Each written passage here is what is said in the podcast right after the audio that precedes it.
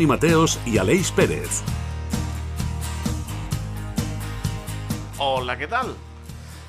Aquest matí hi havia cua, molta cua a la Pastoreta, l'administració de loteria que està a prop de casa, i és que cada cop és més a prop el sorteig de Nadal. Qui no ha somiat algun cop amb el número guanyador? Fins i tot alguns se n'en recorden, amics i amigues, fins i tot alguns se n'en recorden del número i el busquen. Jo tenia una amiga, la Isabel, que va somiar fa anys amb el 4004 i el vam esgotar entre els amics. Estava disponible en un bar a Teruel que finalment el bar va decidir no enviar més números eh, degut a l'allau de trucades de catalans de tot arreu buscant el 4004. Finalment, amics, ni el reintegra ens va tocar. Ara, segons una intel·ligència artificial, la Chat GPT-4, que ha utilitzat un mètode estadístic per a predir, doncs aquesta intel·ligència artificial diu que el número més probable que surti en el proper sorteig és el 3695 o el 2695 com a segon. I com ho diu una intel·ligència artificial, el 3695 ja no està disponible a Elx, on s'ha esgotat, com avui les entrades del Bruce Springsteen. Segons els seus càlculs, el 0 és el número que més vegades ha estat repetit en la primera posició del sorteig, amb 64 aparicions en la categoria, i així successivament, després el 3, després el 6... Les estadístiques detallades mostren aquestes freqüències de cada número en cada posició. Això no garanteix que el número predit sigui el guanyador, ja que en el sorteig de la grossa de Nadal cada número té la mateixa probabilitat de sortir que els altres. Tu ets dels que jugues a la loteria? Aleix Pérez de la Nova Ràdio, bona tarda. Molt bona tarda, Toni Mateos. Doncs mira, jo no ho soc i és més, et diré, soc aquella persona que després de que toqués el, el gol de Navidad de Reus, jo vaig dir, és impossible estadísticament, òbviament soc de lletres, és impossible estadísticament que torni a tocar a Reus. I què? I què va passar? Eh!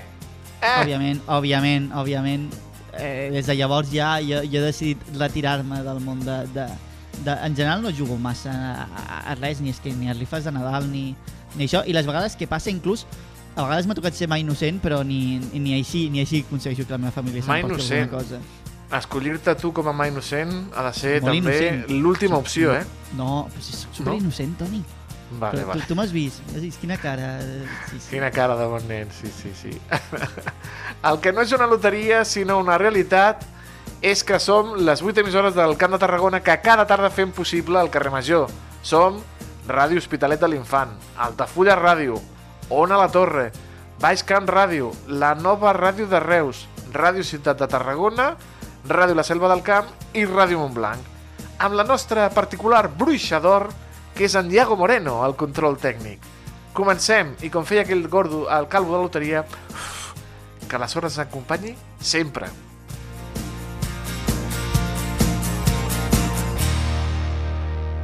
Les realitats del Camp de Tarragona a Carrer Major.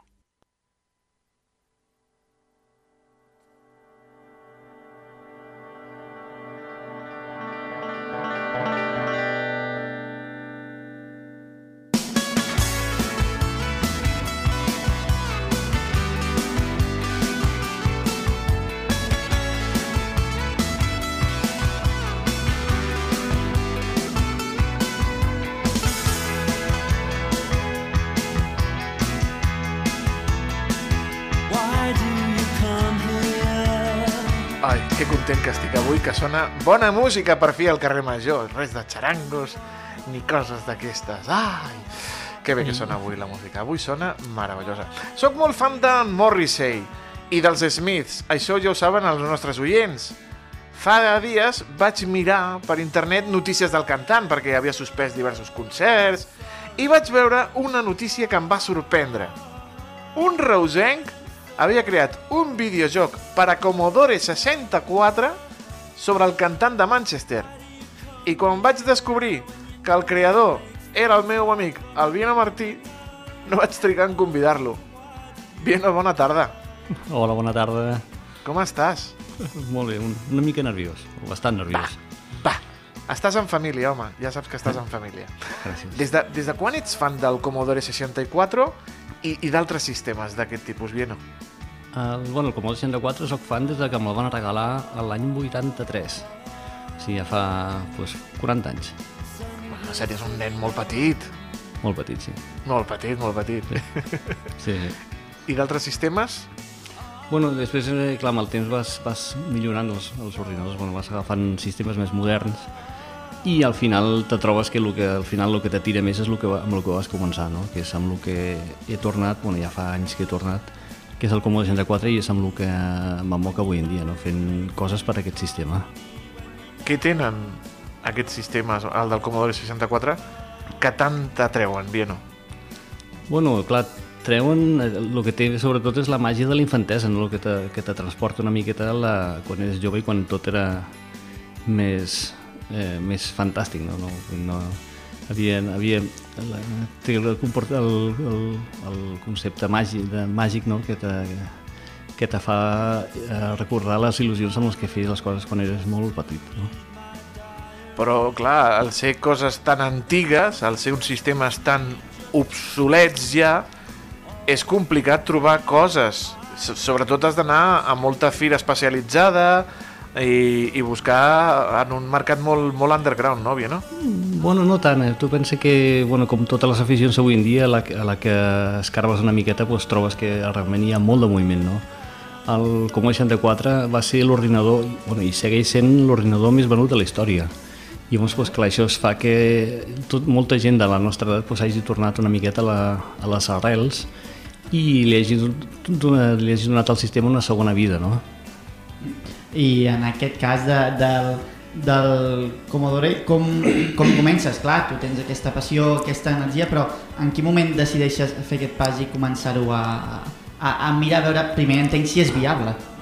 Bueno, així, el, clar, el, la segona vida del Commodore 64 la vaig començar, o sigui, vaig, vaig tornar al 2000 i poc, no me'n recordo l'any ara exactament, perquè és una cosa que vas, que vas eh, a poc a poc pues, eh, vas, vas veient que no ets l'única persona que, que tornes a, amb aquest sistema i vas veient que, el, que comencen a haver foros i moviments i gent que, que s'interessa altra vegada pel sistema i que hi ha moviment, llavors pues, t'afegeixes no? i cada vegada t'impliques més amb el sistema. No? És el teu ordinador del dia a dia, Vieno? O utilitzes un PC? Bueno, clar, per, per, per la feina un PC, però a casa un, un, un Commodore 64. No, no estic amb les noves tendències, i no sé m'agrada més el, bueno, el clàssic. I com vas començar a aficionar-te a crear els teus propis videojocs? Perquè, déu nhi eh, això dius... Doncs pues mira, un que m'agradaria fer seria d'aquest estil. I com vas començar? pues mira, fa, ara deu fer ara un... Jo crec, em sembla que uns 12 anys. Vaig començar a fer el que són les aventures de texta, no? Les aventures de texta, uh -huh. per qui no coneix el, el, el que és, són jocs amb les que eh, hi ha una pantalla un text i, i a vegades una imatge i tu interactues amb l'ordinador mitjançant el teclat, o sigui, escrivint les ordres que tu vols que tu vols executar. En comptes de fer-ho amb un comandament, doncs tu escrius la- l'acció que vols fer i més o menys és, és una miqueta és la part literària una miqueta del videojoc clar, tu te trobes amb, te, te fiquen en, un, en una situació en un context, en una història i tu tens que anar avançant en aquesta història per, bueno, per buscar un fi, un resultat un, un tresor o el que, o el que, el que t'emporti l'aventura O sigui que és una mica allò de agafa això, si es pot agafar, diu l'ordinador. No es pot agafar. Eh, Molt bé. Em, em, empenya això. Eh, He obert aquesta porta, no? Exacte. Sí, el, als anys 80 aquí se va fer molt famós el, el Quijote i aventures aquestes, una miqueta també que eren una, un, bueno, el, el mateix que més o menys semblant a el que, a el que estic fent jo. Uh -huh. Monkey Island? Te va agradar el Monkey Island? Sí, molt. És un, és, eh, el Monkey Island és l'evolució una miqueta de les aventures de text, en la que ja no tens que escriure, sinó eh, ho fas tot mitjançant el ratolí. Com van ser els inicis? Eh, Vieno, qui t'ajudava? Com ho feies? Eh, miraves a través de, de llibres, de guies, de... Perquè, clar, si vas començar en el 2000 i pico a, a, a programar el Commodore, no és un sistema que sigui eh, actual. No, però és el que tu comentava abans. Hi ha moltíssima bibliografia i actualment hi ha moltes més eines i, i estan actualitzades perquè te sigui molt més fàcil programar avui en dia que com se feia abans. Hi ha, te pots trobar tot tipus d'informació, ja no del Commodore, sinó de tots els sistemes antics, com l'Spectrum, l'Amstrad o l'MSX, i també les eines amb les que fer tant imatges, com música, com gràfics, com aventures, com el que tu vulguis. Vull dir, avui en dia és molt més fàcil i ho tenim molt més a l'abast que com era abans, perquè si no, si no fos així jo crec que no tindríem la paciència de fer-ho com ho feien aleshores els, els programadors de l'època. Exacte, i després de tants anys no, també d'evolució de, en aquest cas de, de videojocs també has aplicat mecàniques, diguem, més modernes o l'has intentat implementar o que entressin dintre de la Commodore o has decidit mantenir l'essència en com era aquella època? Sí, bueno, intento mantenir l'essència perquè al fi al cap és el que, és el que m'agrada. Sí que, sí que busques eh, una miqueta actualitzar els sistemes perquè no siguin eh, siguin més fàcils, perquè avui en dia no, és, som conscients de que la gent no té tant de temps i no té tanta paciència com, com, com, com quan ets jove que tens tot el temps al món. Avui en dia la gent no té paciència i si, i si falles una vegada i una altra, pues, al final ho acabes assistint. Llavors intentes fer una miqueta més eh, amigable i més fàcil perquè, no, perquè puguis jugar més perquè, la, perquè te, te distreguis més i sigui més un passeig que no una dificultat darrere una altra. I portes ja diverses aventures gràfiques de diferents tipus a, a les esquenes, no, Vino? Com ha estat el procés de, de creació d'aquestes històries i d'aquestes aventures gràfiques? Perquè n'hi han de terror, n'hi han de els tres detectius famosos del, de l'Alfred Hitchcock... Eh, com ha anat tot això? Com ha anat la, la teva evolució en el món de, del, pro, del programador? Bueno, bueno, al principi eren més simples, no? al final simple, eren simplement aventures de text de pures i dures, sense cap imatge, sense música, sense res. I a poc a poc, doncs, bueno, clar, intentes fer una miqueta, anar, anar donant una miqueta de, de, de passes i, i fer evolucionar una miqueta dins del, dins del gènere. No? Clar, la gent te demana que també que fiquis una mica de gràfics per ambientar una mica el joc. També te, te demana també que hi hagi una miqueta de música ambiental perquè el, el, mentre estiguis jugant doncs, tinguis una miqueta més sensació d'estar de, dins de, dins de l'aventura. I bàsicament és això, tampoc se poden fer meravelles perquè no, clar, no estem treballant en un entorn, en entorns actuals, llavors com són màquines clàssiques doncs, estan bastant limitades però sempre intentes donar una miqueta un pas més endavant i fer-lo el que creus, fer-ho fer, -ho, bé i anar apostant una miqueta, apostant una miqueta més en cada, en cada aventura que fas. I arribem al moment màgic. The Smiths are dead. Uh, els Smiths són morts. Com és que decideixes fer una aventura gràfica del nostre estimat Morrissey? Bueno, el, el Glenn Morrissey és, és la, la banda sonora de la meva vida, no? Uh -huh. I jo crec que mereixia que li fes una, que li dediqués una aventura. I, clar, quan fas una aventura de, de, de personatges que exist, o, o històries que existeixen, clar, tampoc pots inventar-te o anar molt més enllà d'una miqueta de la teva imaginació. I vaig apostar per fer una miqueta una, una part de la història de, del moment de la separació de The Smiths i quan el Morrissey va començar a, anar en solitari. I llavors vaig... Eh, l'aventura, el, el període de l'aventura és aquest, és des, des de la dissolució de The Smiths fins que Morrissey treu el, el, el seu primer disc i el que faig és que llavors el personatge, el, el protagonista sigui el mateix Morrissey, que se, se trobi dins de la dins de la dins de l'aventura amb la situació de que té que treure el seu primer single i ha perdut la partitura. Llavors ell té que anar viatjant per diferents ciutats de, de, del Regne Unit a trobar les, les parts de la, de la partitura perquè, per poder composar la cançó i que se pugui publicar. Vaja, que curiós tot això. I, i, i com et va passar pel, pel cap tot això, no? Bueno, són com totes les històries una miqueta. Comences una miqueta amb una espècie, amb un mig guió, amb un final sense tindre clar ben bé com, com anirà tot i a mesura que vas escrivint i vas fent, doncs, eh, se te se te van ocorrent les idees, les, les, els puzzles que tens que anar creant durant el joc, una miqueta tota la història i ja està. Suposo que cada persona el, que crea alguna cosa pues, té un procés diferent. No? Pues jo sobre la marxa doncs, vaig fent i al final acabes lligant tot una miqueta perquè tingui tot una mica de, de consistència. També hi ha un aspecte no, que crec que és el, l'ajuda no? que també entenc que necessites per crear una obra d'aquesta mena, de qui, amb qui doncs, eh, has, has, has unit forces, amb qui has col·laborat també per poder tirar endavant una mica aquest videojoc, tant en la feina de documentació com en la feina també de, de, de tècnica, potser.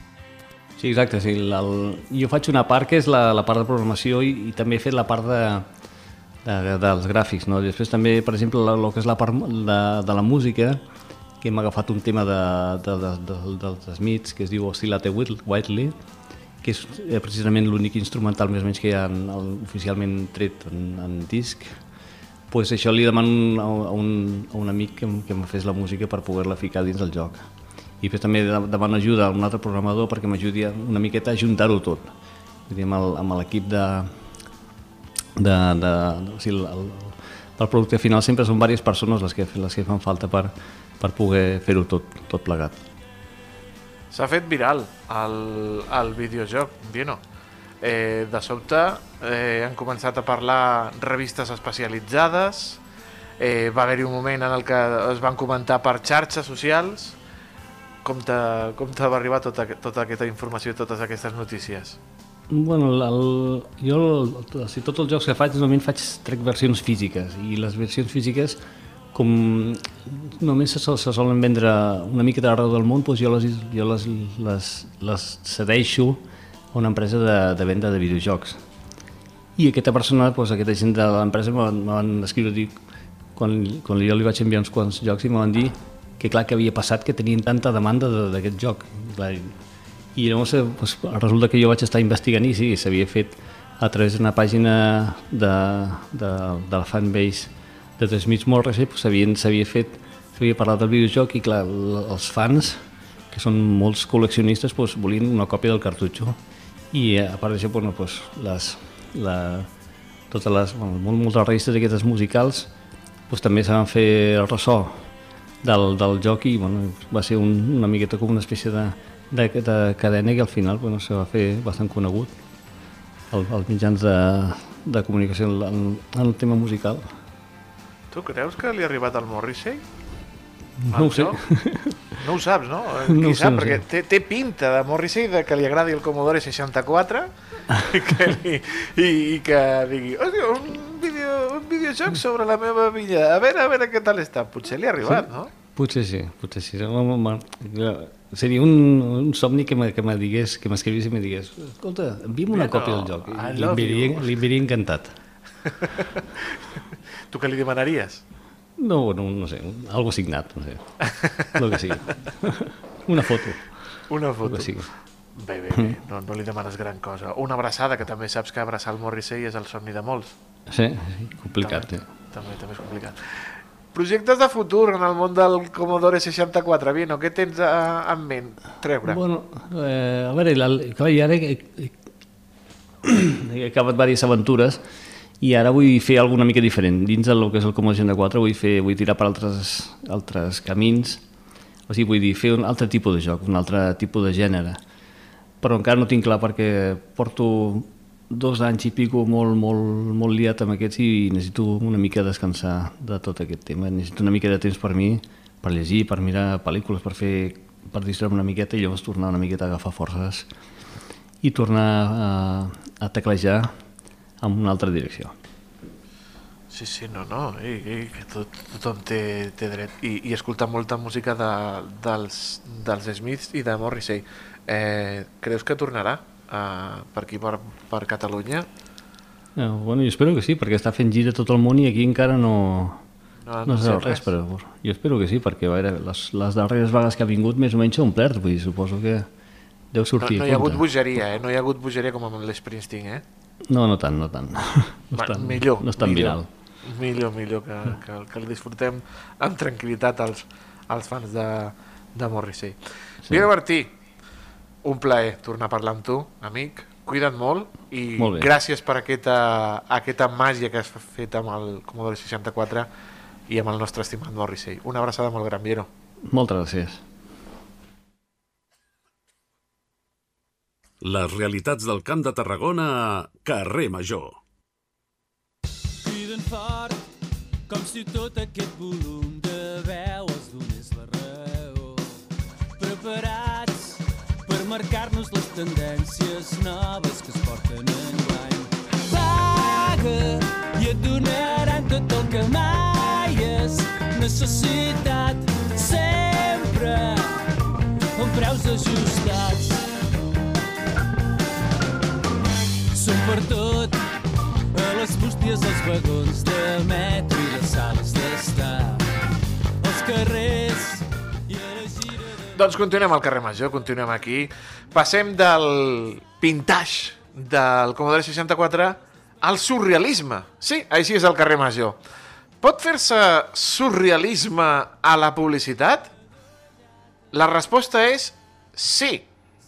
I de qualitat. Avui abordarem una campanya de l'agenda mixta, Sabe mixta, amb el nostre professor de publicitat, en Xavi Franco. Xavi Franco, bona tarda, com estàs? Hola, bon, molt bona tarda. Aquí eh, amb els amics de Ona la Torre. Hombre, ben cuidat, ben cuidat, ben tant. Ben cuidat. cuidat, ben cuidat, em cuiden molt bé. Sàvia mixta, quan dius mixta, a mi em ve Sàvia mixta. Eh, i, i, tant, i tant. i liber, liberat el pato Willix. Sí, què va ser això? Eh, eh, eh, ja feia... El 2011 vam fer una gran campanya, que ara parlarem, però prèviament ja, te, ja havien agafat l'agència de publicitat eh, de la marca mixta que perteneix és una marca de, de cervesa amb, amb limonada, no? Amb llimona, limonada. Sí. I del grup eh, Mau Sant Miguel, no? Aleshores, ja feia anys que feien eh, una mena de publicitat totalment surrealista. He demanat, eh, us he posat un, un pre-spot de 20 segons que parla precisament del surrealisme. No? Això seria el del 2010, aproximadament. Si el voleu posar, perfecte. Endavant, aquest eh, tall de 20 segons. Sí.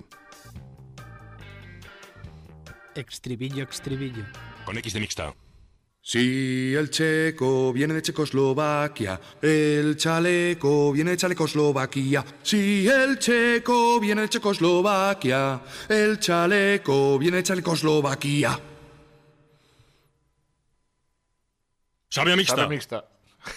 Sabe mixta. Ho has clavat, eh? És- tot. És surrealisme total. A veure, Aleshores, Com, com venen cervesa si el checo viene de Checoslovaquia, el chaleco viene de Checoslovaquia? Com és Molt això? fàcil, molt fàcil. A veure, era el començament de les, de les xarxes socials. Parlo en 2010-2011. Aleshores, el públic al al que li anava dirigit això era un públic de 18 a 24 anys, el públic diana, que li diem nosaltres. No? Uh, I van voler buscar un forat, un forat publicitari i un forat de marca. Aleshores, eh, la seva gran competència era Sandy, de Cruzcampo, uh -huh. i van treure la...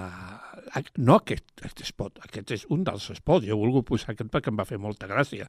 Llavors, no, la gent... I, i la gent, clar, es va, comer, es, va, es va convertir en un jingle, en un jingle, en una, una cançó de, de cachondeo, que la gent la cantava en plan cachondeo, no? La, la, la gent, no? La, aquest tipus de, de joventut, no?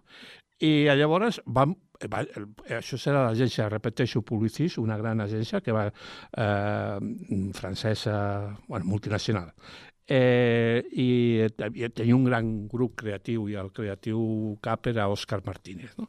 Llavors, al 2011 van, decidir, van dir, ostres, anem a, a fer eh, una gran campanya. I jo recordo eh, que jo llavors portava la publicitat, una part de la publicitat eh, de, Sant, de Sant Miguel. Eh, la part de la publicitat del punt de venda. No? Aleshores, un dia vaig a, ja per, per el mes de febrer o el mes de gener, vaig a, perquè tot, encara que Sant Miguel estava ubicat oficialment a Barcelona, pertenigia a Mau, com he dit abans, no? I tenia que despatxar el director de màrqueting, estava a Madrid, no? I llavors van dir, escolta'm, diu, vine a, a, a veure què et sembla aquesta, aquesta, aquesta campanya que sortirà de mixta, no? I me la van posar, me'n van posar el vídeo. I hòstia, dic, hòstia, esto es cojonudo, tío. Esto vais a romper aquí, vais a petar, ¿no? Y, el, y efectivament ho van dir, diu, sí, però vamos a, las, a la, vamos a utilitzar les xarxes socials. Va ser, de fet, la primera campanya, aquesta de Pato Willix, la primera campanya que van utilitzar, que va trencar amb les, amb les xarxes socials publicitàriament parlant. No?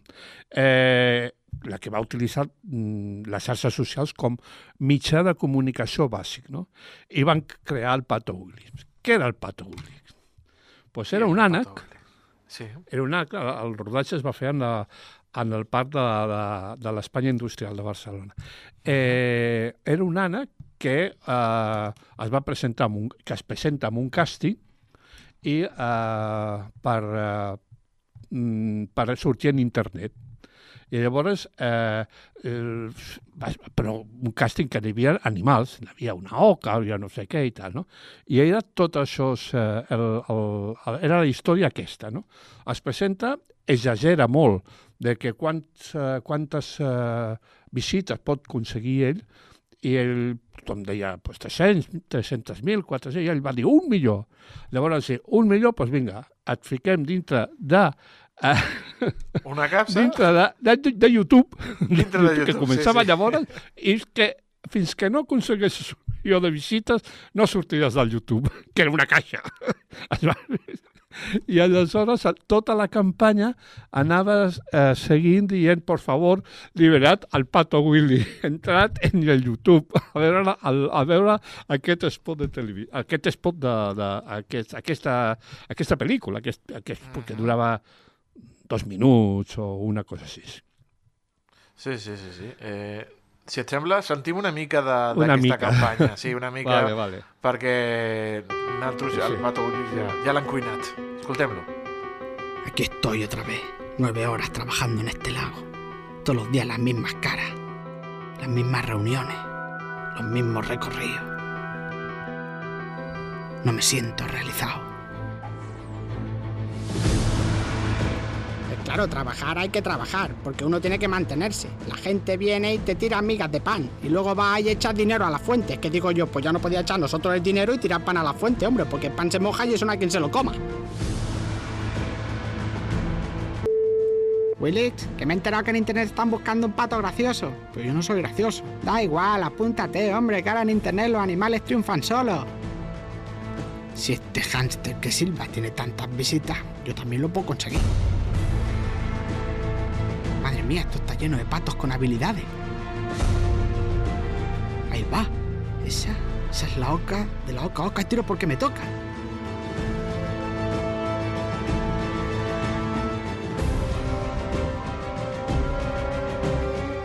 El hombre me dijo, el pato que acaba de entrar me ha dicho que puede conseguir 500.000 visitas. ¿Cuántas puedes conseguir tú? Yo le dije, 750. Él me dijo, 750. Ahí lo vi dudar. Por un millón. Y ahí me pudo la boca.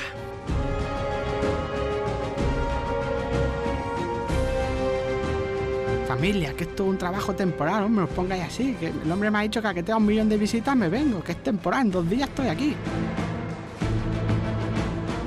Claro, te dicen, vete a internet, vete a internet, pero a saber dónde está internet. A saber on està internet.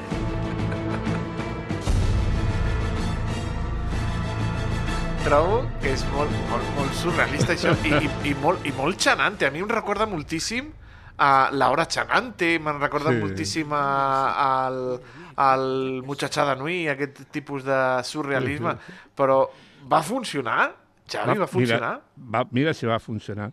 La curiositat, l'anècdota és que la veu que, vam, que, que sentim és d'un creatiu, perquè no li agradaven les, eh, les veus que posaven, i diu, ah, anem a provar tu. I el creatiu de Publicis ho va intentar i ahir va quedar la veu. No? Pues va ser un èxit. Allò va ser, eh, va començar un 4 d'abril, de fet, el 29 es va enviar a les boques, i eh, a bloggers, i després el 4 d'abril, un 4 d'abril de 2011, va començar. Uh, amb aquest, ja, en una setmana ja tenien, menys d'una setmana, en 4 o 5 dies, ja tenien l'objectiu marcat d'un milió. Molt bé. O sigui, en 4 dies ja van aconseguir un, un, uh, un, un, uh, quat, un milió, un milió d'aquest spot. Tenien programat fer spots curts també dins de, del, del canal mixta de, de YouTube, eh, quatre spots curts, no? La, el Pato Pata, la Emily, la Emily era la seva dona que diu que com no estava amb ell, que, la, que s'havia anat a internet, a YouTube, que s'havia liat amb un altre ànec. Eh, tot surrealisme. El tecno, el tio allà ballant amb el tecno i tal, el pato pata, la, la, la... Bueno, va ser... I llavors, eh, el, el, el 18 d'abril, ostres, era Setmana Santa i tal i qual, i llavors van dir, "Oh, anem a acabar la campanya, perquè la campanya estava programada. I llavors van canviar l'espot final una mica, que ho alliberen, perquè havia aconseguit ja dic, eh, en, eh, del 8 al, en 10 dies, dos milions i pico de visites. I llavors era l'alliberament del Pato Willy. Sí. Però el tio eh, el deixen allà una altra vegada al parc i el tio s'avorreix, diu, jo torno a l'internet perquè això és un rotllo, I encara la estan els Emily vells també descobreix lo de la Emily, no? L'engany de, de la Emily. Bueno, és tot un Efectivament, drama, efectivament. Eh, van continuar la campanya i al final, el bo d'aquesta campanya és que hi ha un final de campanya, vull dir, hi ha un spot final que ell demana, ell demana eh, canviar de raça, de- de- d'espècie, de, i, el, i va amb un metge, amb un metge de o pàtac o no sé com, que li deien, i, a- i es converteix en una cebra amb, a- amb ales. O sigui, surrealisme total. El tenim també, el, el posa el Iago per sentir aquest surrealisme final.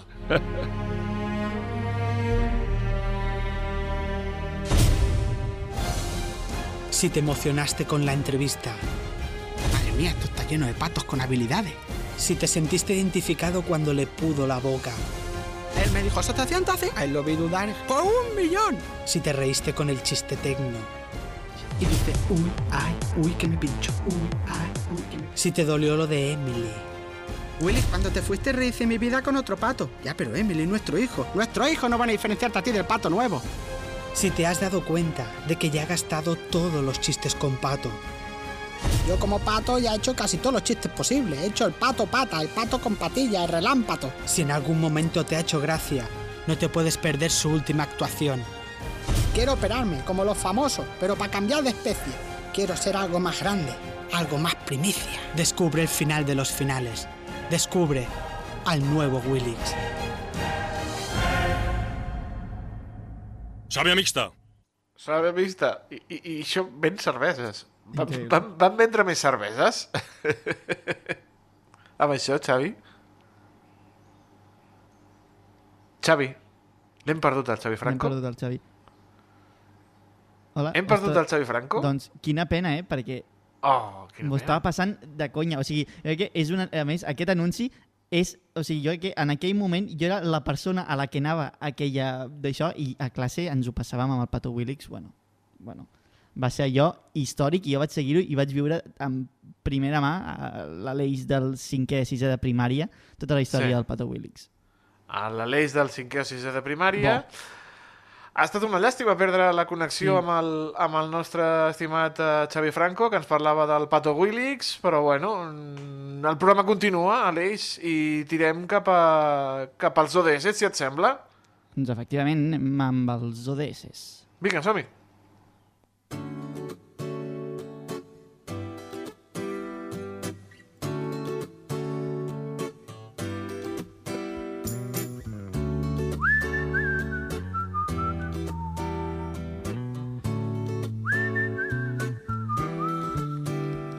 Parece invierno esta primavera. Hay crisis ya de veras acabo de constipar. No tengo un duro y ella me ha dejado por un tipo más delgado y mucho más alto que yo. Y a mí me han echado de la fiesta. No sin sabem perquè, clar, estàvem abans amb uh, Ona la Torre i la col·laboradora d'ODS també estarà a on a la torre. No sabem si podrà entrar amb nosaltres, perquè hem perdut abans Sí. amb el, la connexió amb el Xavi Franco. Anem a veure si tenim a la, a la convidada d'ODS, no, Aleix? A veure, provarem. De fet, són dos en aquesta ocasió. Abans aprofitem per recordar una mica informació de servei que són els ODS, els Objectius de Desenvolupament Sostenible, que, com sempre, tots els dimarts i dijous venim aquí al programa Carrer Major durant una estoneta a veure si realment s'estan implementant al territori. I avui doncs, parlarem, ens acostem fins a Torredembarra amb motiu de la Setmana Europea de la Gestió de Residus, que celebren aquest dissabte un mercat d'intercanvi i de segona mà. Ho podem englobar dintre l'ODC número 11, Ciutats Sostenibles, i el 12 de Producció i Consum Responsable. Per parlar-la, doncs, esperem que puguem contactar eh, des dels estudis d'Ona la Torre amb la regidora de Sostenibilitat, l'Angi Muñoz, i el Víctor Álvarez, d'Ecologistes. Bé, eh, molt bona tarda. Bona tarda. Bona tarda. Perfecte, va, genial. Eh, aquest mercat arriba ja a la seva cinquena edició. És ja una data consolidada al municipi, regidora? Bueno, la intenció és que ho segueixi sent, la veritat, perquè en, revisant una miqueta els números dels anys anteriors i de més, hem vist que a poc a poc ha anat progressant no? tot, el, tot el tema, tant de paradistes com d'entitats ambientals i de més que s'han anat eh, presentant any rere any. La quarta edició va aclaparar unes 550 persones, si no m'equivoco, Víctor, tu que tens més que ha estat tots els anys amb, amb nosaltres. Eh, I llavors la intenció és que cada vegada, si més no, ja no dic fer-lo més gran, no? però sí que, com tu deies, aquesta data doncs, es, pogués, es pogués consolidar com a tal. Són, són, és un mercat de, de segona mà i d'intercanvi, com tu dius, en què, en què també aprofitarem per fer algun taller i alguna, alguna exposició durant aquesta setmana. També el Víctor us comentarà que s'han anat fent uns, uns tallers, bueno, en aquestes setmanes, uns tallers de reciclatge per centres educatius i de més. I bueno, al final són unes activitats molt polivalents i complementàries d'altres que ja fem al, al municipi, que ens agraden molt per, vari, per diversos motius. No? El primer de tot és per fer promoció de l'economia circular, no? això de donar-li una segona vida allò que no fem servir ja o que ens hem cansat una miqueta i els hi podem donar una altra, una altra utilitat. I també perquè aquestes activitats ens serveixen per fer d'altaveu, per deixar palesa d'unes necessitats globals com serien el de que hem de seguir reciclant, però ho hem de fer més i millor, no? Perquè, bueno, suposo que el Víctor us explicarà una mica en quin, en quin, bueno, en, en quin punt estem ara mateix al, al municipi.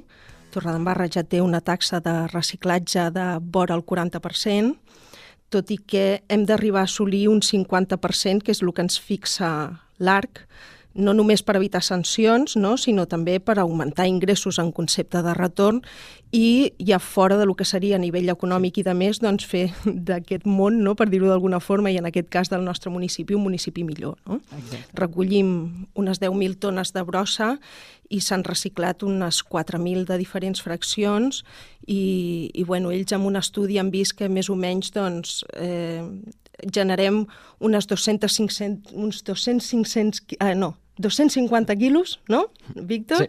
De, de brossa per persona.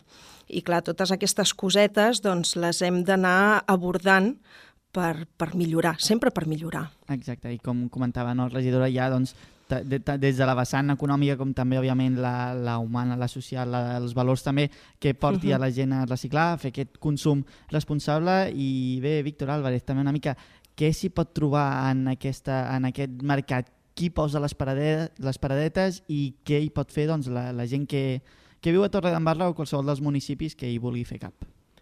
Sí, doncs mira, en, en aquest mercadet de- d'intercanvi de, de segona mà que farem aquest dissabte 18 de novembre de 10 a, a 2 de, de migdia, eh, trobarem un, un, una diversitat, no? una varietat de, de paradistes, no? de persones, algunes d'elles que es dediqen dins d'aquest món, unes altres que busquen un intercanvi de, de forma altruista, no? o, o sempre de, des de la vessant del reaprofitament. No? En aquest cas eh, hem de tindre en compte que sempre parlem de les tres R's, que és molt important, reduir, eh, reutilitzar i, i reciclar, fem molta incidència en el reciclatge perquè és molt important, però a vegades ens oblidem obviem no, que també hi ha altres formes, que seria aquesta reutilització o aquesta reducció.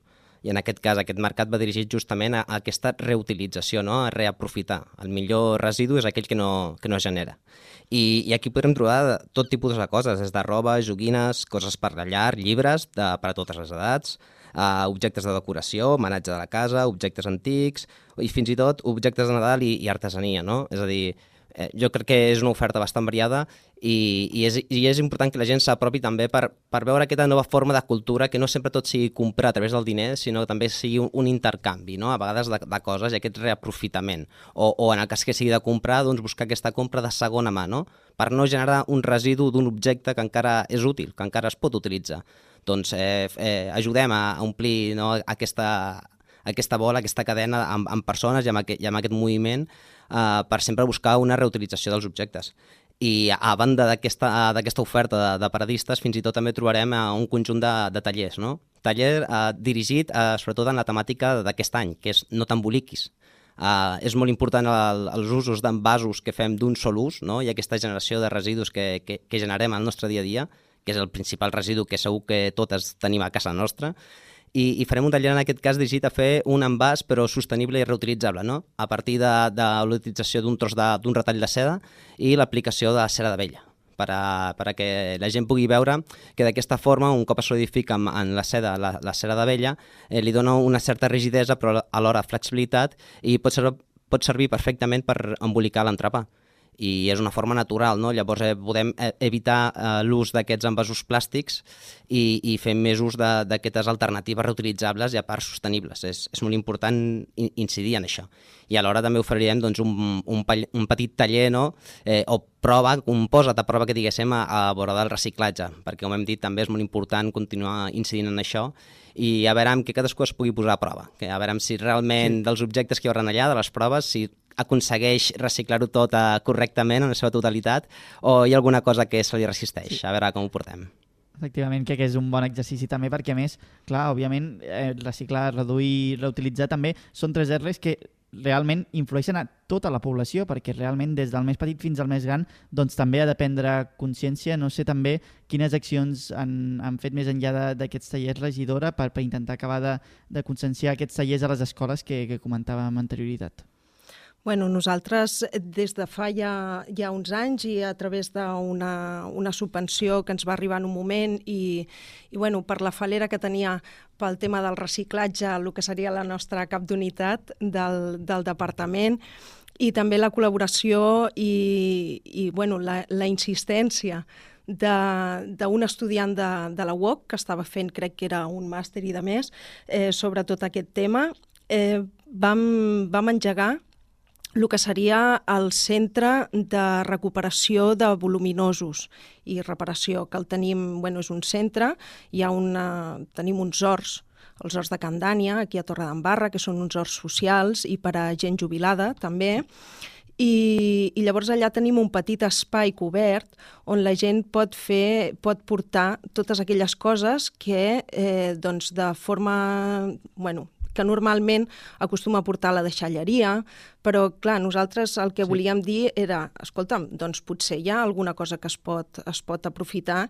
i nosaltres podem fer aquesta mena de mercat d'intercanvi que ara fem no? doncs en una plaça i l'obrim no? a, tot, a tothom, no només a la ciutadania, sinó a tothom que passi per un dels carrers amb més confluència durant els caps de setmana, doncs que es tingui l'oportunitat de que també es pugui fer eh, en aquest cas per, pels mitjans que tenim i tot, es fa una, una vegada al mes, no? l'últim cap de setmana de mes.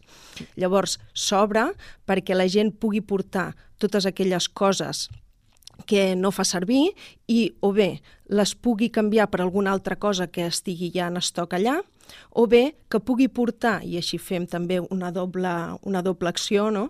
eh, social, en aquest cas també, per eh, ho pugui canviar per menjar que puguem portar cap a Càritas. No? I llavors, la veritat és que està funcionant molt bé, però ens estem adonant que ens manca espai. És a dir, que haurem sí, de buscar vegades... juntament amb la regidoria sí. de, de residus, haurem de buscar veure si en un futur és possible que aquell espai es pugui fer molt més gran sí. i es pugui promocionar com cal.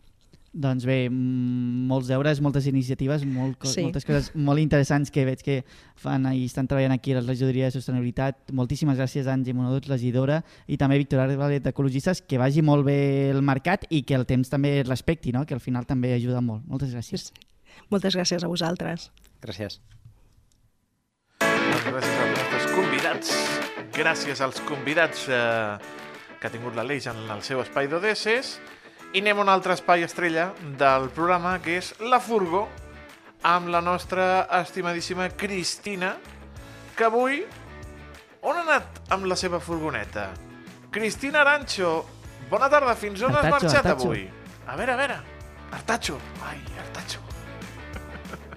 I a més, aquí a la Furgó i avui sóc a Tarragona, al local de l'entitat de la Molassa de Tarragona. I estic amb el seu president, l'Enric Garcia Jardí. Bona tarda, Enric. Hola, bona tarda. I som aquí per explicar que la setmana passada l'Associació de la Molassa de Tarragona va guanyar un premi de l'associacionisme cultural català. La planificació general, no?, va guanyar? Sí, exacte, Previsora General, que és un premi com donar programació, un festival, un seguit d'actes durant, durant mesos o durant l'any. Bàsicament va ser pel projecte Som més Molassa, perquè l'associació de la Molassa no és només la Molassa Tarragona que veiem per les festes, és molt més, veritat? Exacte, i ho intentem reforçar molt, aquesta idea de, de que no només som la Molassa, que també tenim uns gegants, també tenim un ball parlat de, de la Sebastiana al Castillo, i tenim un grup de gralles, però a més a més intentem, i és el que hem intentat aquests darrers anys, doncs, fer activitats durant tot l'any, no? que el nostre sentit com a entitat no sigui només sortir pel seguici, sinó ser entitat cultural i, i fer coses per, per la ciutat. És l'associació la que presenta la candidatura a aquests premis, però com rebeu aquest guardó? Com us entereu i quina és la sensació que us queda quan us diuen que de fet sou els guanyadors? No ens ho esperàvem, que és el que sempre es diu, però és veritat, no ens ho esperàvem gens. Nosaltres havíem fet la feina i, i n'estàvem contents. El que sí que doncs, va ser una sorpresa que, que el que fa és empènyer, no? és a dir, reforça un model d'entitat, aquesta idea que dèiem, no? de, de voler fer més coses, de voler estar més presents en la societat, doncs ve algú de fora no? i amb, amb una representativitat com la, la d'una federació com l'ENS i, i et diu, doncs sí, doncs aneu pel bon camí. No? Per tant, ens alegra i, i ens empeny cap endavant a continuar fent coses. Parlàvem de que aquest projecte guanyador és el projecte Som més Molassa. No sé, Enric, si ens pots detallar una miqueta quins són eh, tot, tots, tots aquests actes que heu organitzat durant aquest any. Hem, hem intentat fer activitats molt diverses, des de, per exemple, vam fer una jornada d'aproximació amb les nostres molasses per a persones cegues, perquè ens, ens preguntàvem com viuen les festes unes persones amb, amb discapacitat indi, amb visual, no? i aleshores doncs, eh, vam fer una jornada perquè poguessin tocar la peça, explicar-los com era també i que la poguessin portar fins i tot. Eh, vam incorporar una intèrpreta en llengua de signes en català al Ball Parlat de la Sebastiana del, del Castillo, vam fer un, un recital de poesia satírica, doncs hem, també ens hem acostat a, a les noves tecnologies i enguany hem fet un itinerari gamificat, com una mena de joc sobre la molassa, seguint els carrers de, de la part alta. Vam portar també la Sebastiana al Castillo al barri de Bonavista, perquè creiem que, que les festes s'han d'obrir, seguint l'estela de Dames i Vells no? de l'any anterior. I, i no sé, no, més activitats, eh, que ara no recordo, un cicle de cinema feminista. Hem, hem anat fent diverses accions amb, amb dos objectius, que som una entitat cultural i per tant hem de fer cultura i acostar-nos també a d'altres formes de cultura, com per exemple ara que dèiem el cinema, i l'altre que hem de tenir implicació social, no? I intentar arribar a tothom i estar oberts a la, a la diversitat eh, existent no? a la societat. I quin feedback heu rebut a través d'aquest act- d'aquests actes? No només de la gent que forma part ja de l'entitat, sinó de la gent a lo que millor li ha arribat la molassa quan mai en la vida no n'havia tingut relació. És un feedback molt, molt bonic perquè et, et dona sentit no? I, i també veus, eh, surts una mica del teu cercle. No? Les, festes, per exemple, doncs, estan molt concentrades a, a la part alta i al centre de la ciutat, eh, com és lògic també per, per qüestions històriques, no? en el cas del seguici. Però, per exemple, quan portes un ball parlat com la Sebastiana al Castillo en un barri on el, el tema dels balls parlats no té tanta impregnació, no? doncs les reaccions també són diferents i, i això el que, el que et fa és, jo crec que ser més conscient de que, de que el món és molt divers i de que el, les potencialitats que tenim com a entitats en una ciutat com Tarragona, no? on, on el seguici, on la cultura popular té tant de pes, doncs les hem d'aprofitar, no? I, I per tant nosaltres com a entitats també tenim una responsabilitat col·lectiva. L'objectiu doncs, és potser apropar la cultura popular i també tradicional una mica a tothom, no? fer-la inclusiva. Exacte, I, i fins i tot, mira, ara que deies la paraula tradicional, eh, també vam fer un acte que era la garrotinada, no? i que és per intentar recuperar el, el garrotín a, a la ciutat de Tarragona. Sí, sí, la, la idea és acostar la cultura al, al màxim de gent possible, abandonar una mica la idea que som una entitat del seguici, que la som, però que tenim sentit durant tot l'any, no? i per tant ho hem d'aprofitar. Ara comentaves el garrotín, no sé si ens pots explicar exactament què és, perquè jo crec que moltíssima gent no hi està familiaritzada. I una altra cosa també, vau recuperar la cursa del seguici. Això potser també ens ho pots explicar. Exacte, sí. En el cas de la cursa va ser gràcies a la iniciativa de, dels companys de Lliber Adrenalina, el club excursionista. Eh, ells van venir amb l'empenta d'aquest acte, que a nosaltres se'ns havia quedat aturat per la pandèmia i logísticament era complicat per nosaltres eh, tirar endavant sols una entitat de, de 100 persones no? amb una cursa que necessita molts voluntaris. No? I ells van arribar i van dir no pot ser això, aquest, aquesta activitat l'hem de recuperar. No? I per tant va ser gràcies a la seva empenta que, que ens hi vam ens hi vam posar plegats i, i crec que, que és molt necessari. És un acte que fomenta les pràctiques saludables i que, i que més fa pinya, ens trobem gent del seguici que moltes vegades no, no hi ha tants espais de trobada no? entre les entitats. I, I respecte als garrotins, doncs és, és, a mi m'encanta. Clar, nosaltres fem el ball parlat de la Sebastiana, no? llavors fem versots, que són aptasíl·labs eh, set versos. Vaja, bueno, set síl·labes a cada vers, no? Quatre versos, rimen el segon i el quart. Bueno, qüestions tècniques, però que són les mateixes que el garrotín, no? I el garrotín es fa cantat amb, un, amb un pal que, que s'acosta a la música flamenco, no? I, I és una música que junta, clar, la tradició catalana té molt d'arrelament gitano, no? com la rumba, i, I llavors per nosaltres era ideal, gitanos i paios, homes i dones, tots cantant i a més fent-ho amb, amb aptasíl·labs que a nosaltres com a entitat ens entrena per fer millors versots després amb la Sebastiana. No? Aquí estava una mica la jugada com a entitat i, i és molt divertit perquè és un cant improvisat. Eh? Llavors ho vam fer al llit mig de la Rambla i, i la gent s'anava animant i sortia i deia els seus versos sempre amb una mica de conya o un toc picantó, sempre hi ha aquest punt de guassa en el, en el garrotín que, que també el connecta directament no? amb els balls parlats. I ja per anar acabant, després d'haver guanyat aquest premi Antoni Carné, què li depara el futur del Molàs? Amb ganes de seguir fent actes socials?